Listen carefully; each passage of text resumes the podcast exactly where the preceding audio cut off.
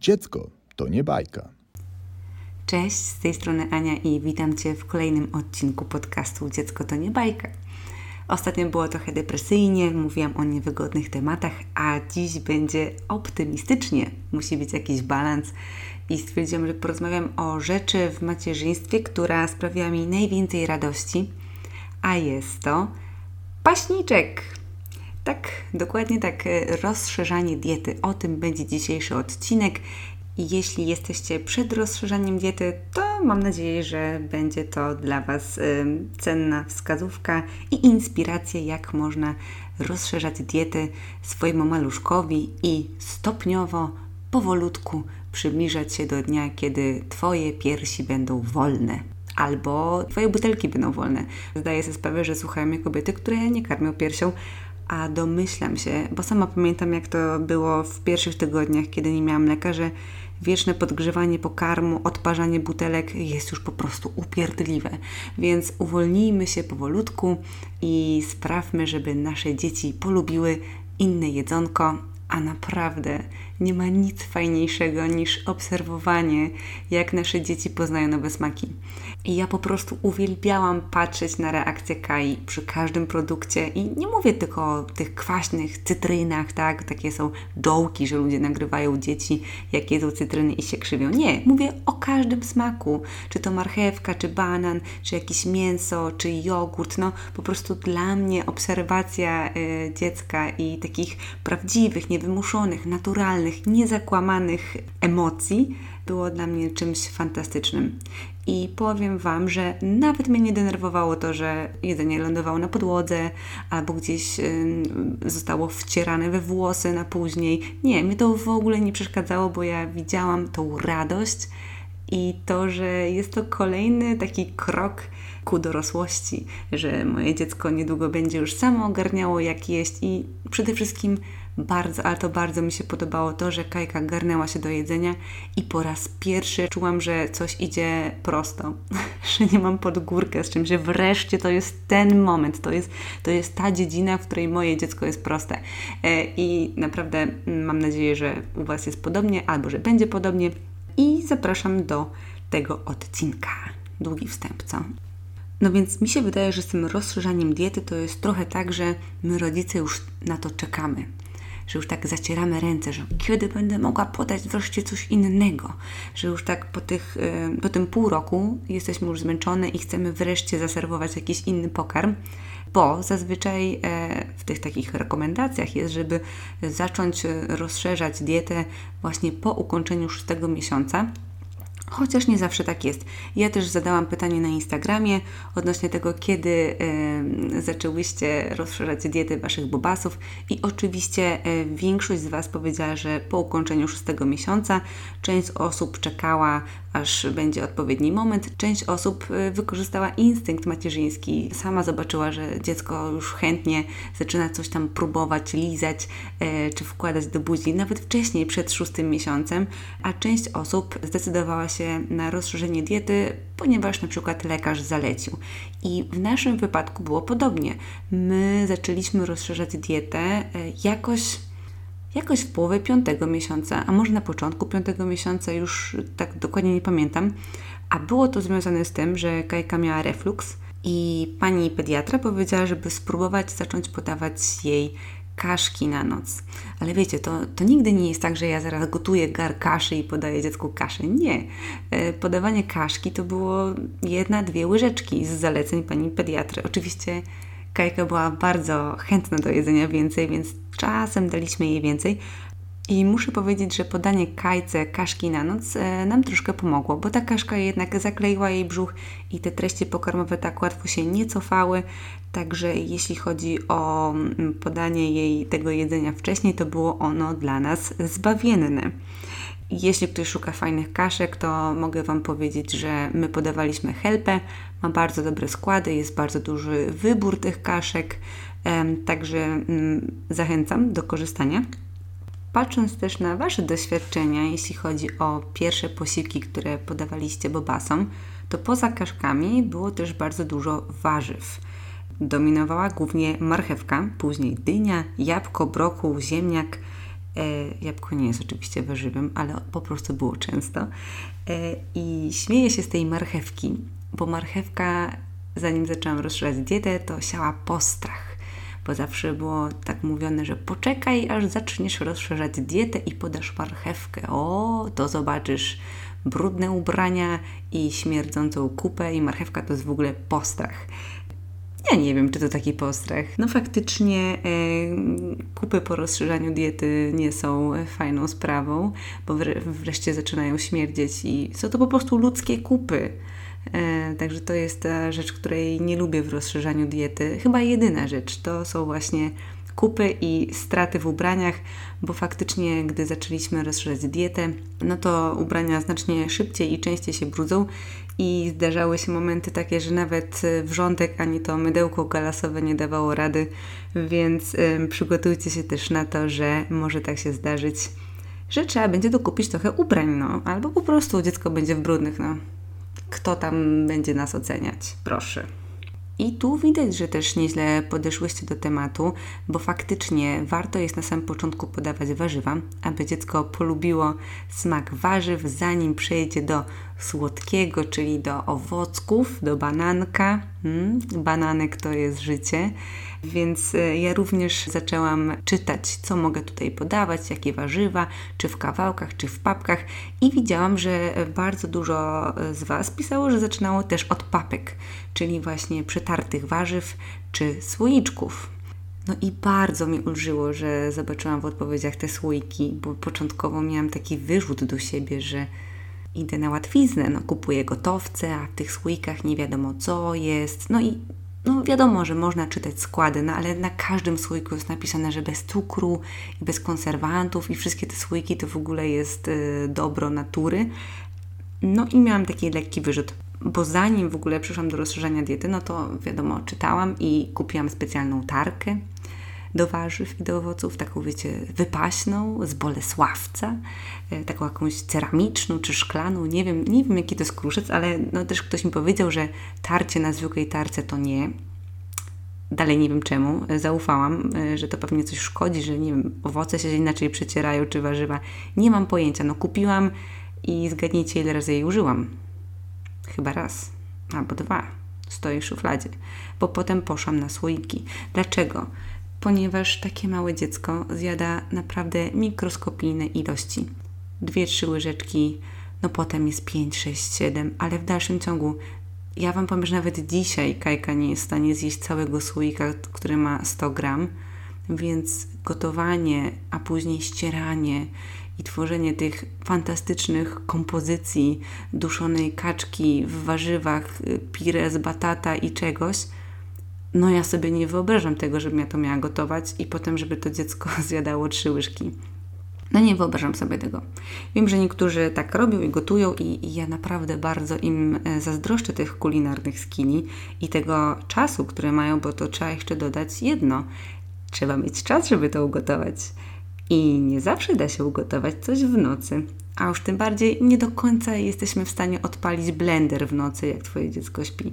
Więc y, no myślę, że słyczki y, to jest jednak dobry wynalazek i trzeba z tego korzystać. I ja na początku niesłusznie się biczowałam o to.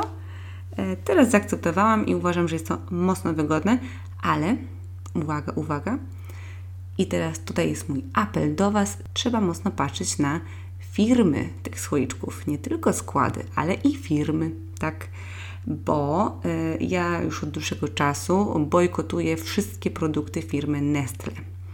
I nawet o tym mówiłam na Instagramie, gdybyśmy nawet w czasie, bo w ogóle słoiki świetnie się sprawdzają na wyjazdach, e, kiedy naprawdę nie ma gdzie gotować, bo mieszkacie w hotelu na przykład, albo chcecie coś szybko podgrzać w restauracji, to taki słoik można kupić w sklepie i naprawdę wybór jest bardzo szeroki i na tych słoikach też jest napisane e, od którego miesiąca można podawać, więc to jest też takie wygodne dla osób, które nie do końca chcą co sekunda wszystko sprawdzać, który produkt można już podać, który nie. A dlaczego bojkotuję firmę Nestle? Po pierwsze, strasznie mnie irytuje, jak firma jest w stanie opanować dosłownie wszystkie sklepy i całe półki z produktami dla dzieci. I ja jak byłam w Portugalii, to widziałam wszędzie produkty Nestle pod różnymi markami, ale dalej z tyłu Corpo Nestle. No to jest obrzydliwa firma, co tu dużo mówić. Yy, przede wszystkim dlatego, że w fabrykach, które podnajmuję, yy, w fabrykach czekolady pracują yy, dzieci. A już to, co chyba najbardziej mnie wkurzyło, to to, jak się dowiedziałam, że w latach 70. XX wieku Nestle robił olbrzymią kampanię e, w biednej Afryce, kampanię mleka modyfikowanego i w konsekwencji wiele niemowląt zmarło. Bo po pierwsze dzieci przyzwyczajone do butelki odrzuciły pierś matki, a matki nie mogły sobie pozwolić na zakup mieszanek non-stop, więc gdy skończyły się darmowe próbki, to już był nagle problem, bo dziecko już nie chciało jeść piersi i matki przestały produkować mleko a po drugie był duży problem e, z poziomem e, sanitarnym i brakiem dostępu do czystej wody oraz trudność w zachowaniu higieny w trakcie podawania butelki. Trzeba było te butelki odparzać.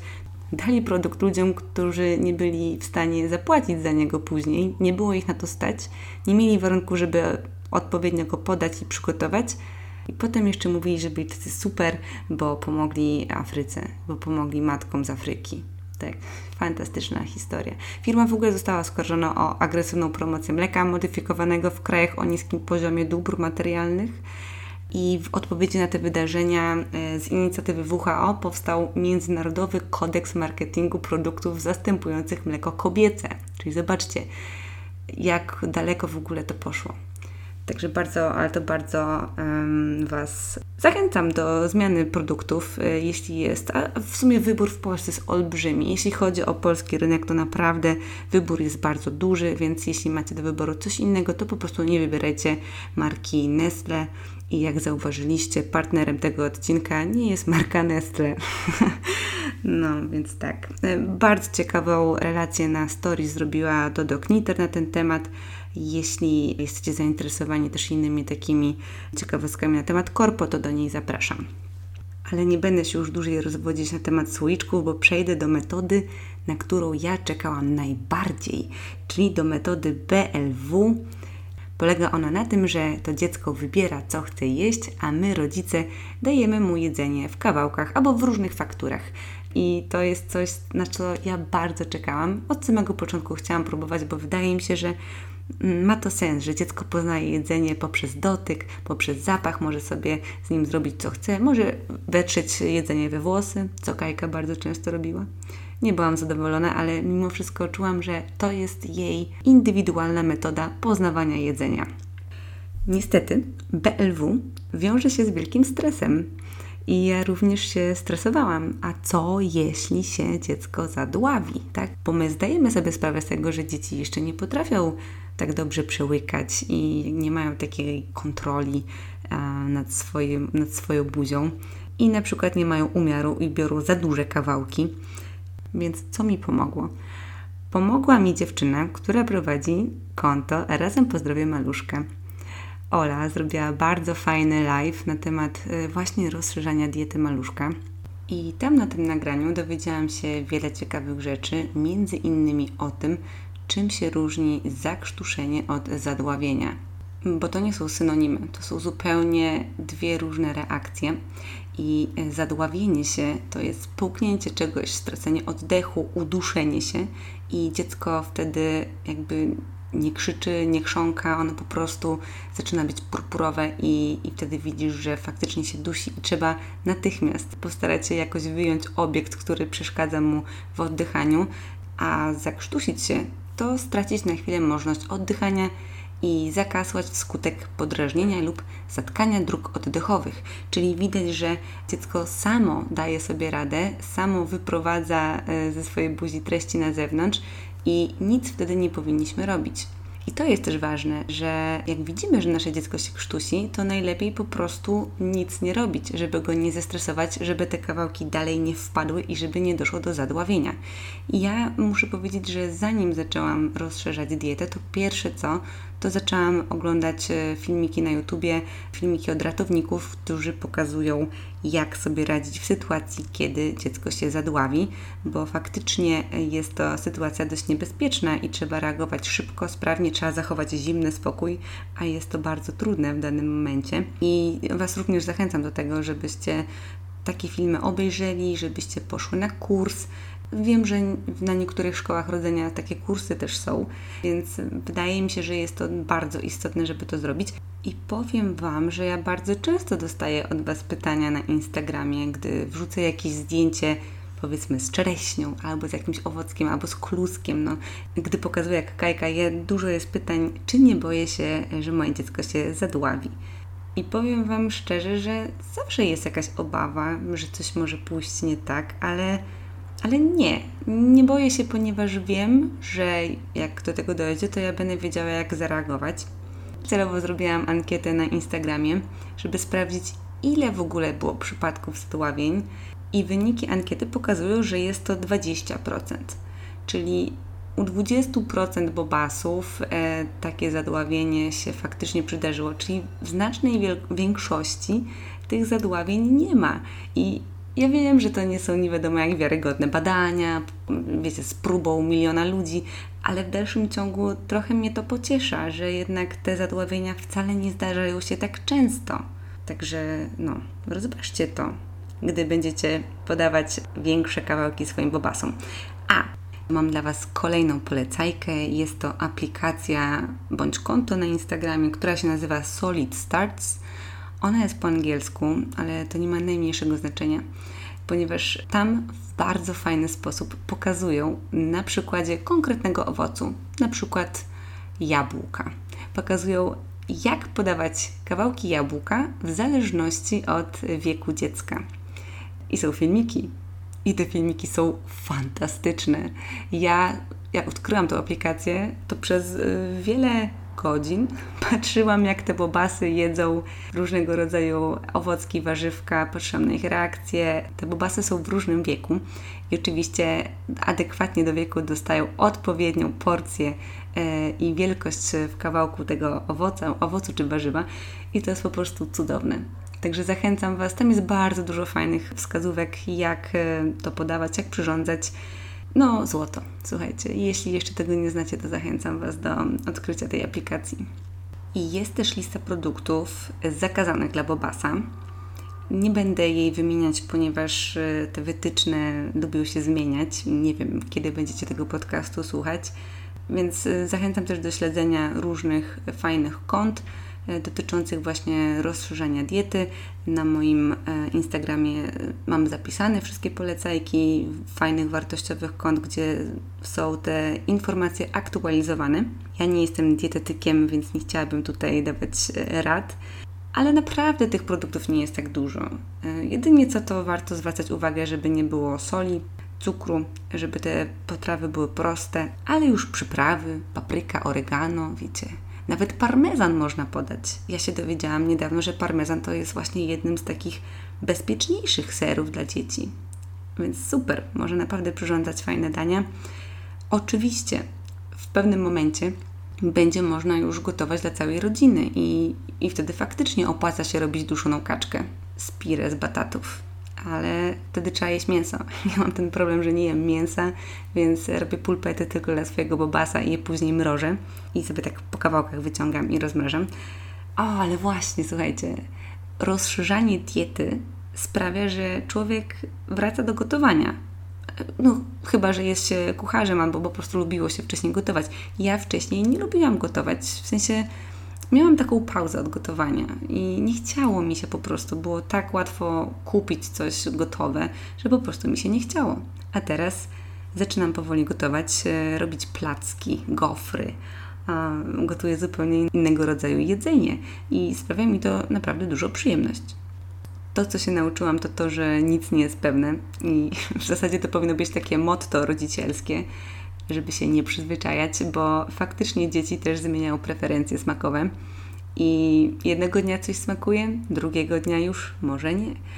Ja pamiętam, jak Kajka miała olbrzymi apetyt na te kaszki, o których mówiłam Wam na początku, a teraz widzę, że już tak hmm, raz zje, raz nie zje. Teraz jest faza na banana, chociaż y, koleżanka ostatnio powiedziała mi, że jej dzieci miały fazę na banana, a potem nagle nie miały fazy na banana.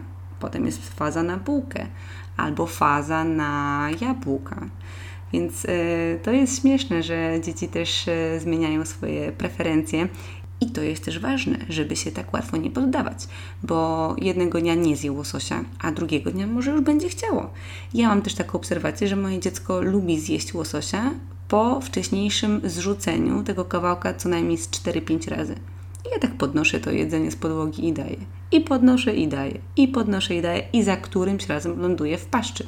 Także, no wiecie, to też jest praca. To nie jest tak, że dajemy potrawę naszemu dziecku i wszystko jest cacy. Nie. Jednak naprawdę jest to fajne doświadczenie.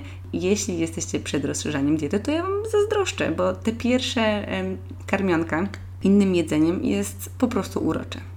I trzymam kciuki, żeby Wasze bobasy chciały jeść. A, powiem jeszcze odnośnie siedzenia, bo uważam, że to jest dość istotne. Ja też miałam taki dylemat, czy sadzać już swoje dziecko w krzesło, czy nie. No bo jednak na początku, jak już ma ten piąty, szósty miesiąc, no to nie zawsze te dzieci siedzą nas rodziców korci, żeby już tak do tego krzesełka tam rzucić, no bo to wygodne przecież. Zwłaszcza, że jak karmi się na kolanach, no to, no to wiadomo, że rodzic też jest cały w tej kaszy czy w, innym, czy w innej papce, więc posadzenie bobasa w krzesło jest y, pomocne. Ale muszę Wam opowiedzieć o swoim doświadczeniu wsadzania kajki w krzesło. Uważam, że zrobiłam to trochę za wcześnie i ja oczywiście, zanim posadziłam Kajkę, to skonsultowałam to z fizjoterapeutą. Nawet była u nas fizjoterapeutka w domu i sprawdzałyśmy, jak Kajka będzie siedzieć.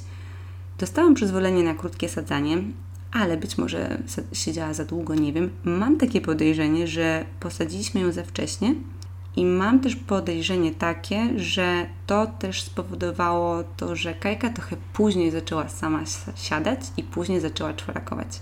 Że jednak gdzieś tutaj za bardzo to przyspieszyliśmy.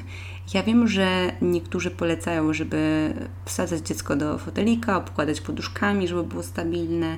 Jednak no to nie jest najlepsze rozwiązanie. Gdybym mogła cofnąć czas, to bym się przemęczyła jeszcze ten miesiąc, dwa z jedzeniem na kolanach. Ale słuchajcie, rozszerzanie diety to nowe gadżety. Zapomniałam jeszcze o tym. No tak, przecież są jeszcze specjalne łyżki, tacki, wiecie, tacki takie z przegródkami, takie jak w takich japońskich benta, po prostu, wiecie, podzielone jedzenie, ładnie ułożone, śliniaki różnego rodzaju. My mamy taki, taki śliniak cerate, co się zakłada na dziecko, takie już całością, oj, bardzo polecam. My nazywamy go surdutem. I, I my ten surdut zawsze wkładamy, kiedy jest jedzone jakieś takie mocno brudzące jedzenie, jakieś papki, maliny, marchewki, e, no i kasza, o Boże, kasza, to idealnie się potem ściąga z tego surdutu. Więc zachęcam. E, chociaż czasem rękawami się jedzenie przedostanie, więc trzeba uważać. I znam ludzi, co po prostu na golaska zakładają taką ceratę i jest git.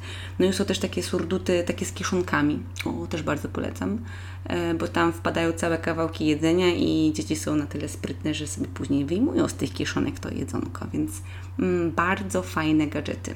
I są różnego rodzaju też e, kubeczki do picia i bidony. Bidon B-Box to jest chyba taki najbardziej popularny. Ja go wszędzie widzę, sama z niego korzystam i to jest kolejny obrazek, który ubóstwiam, kiedy patrzę, jak Kajka sobie pije ten bidon i trzyma go tak w dwóch rączkach.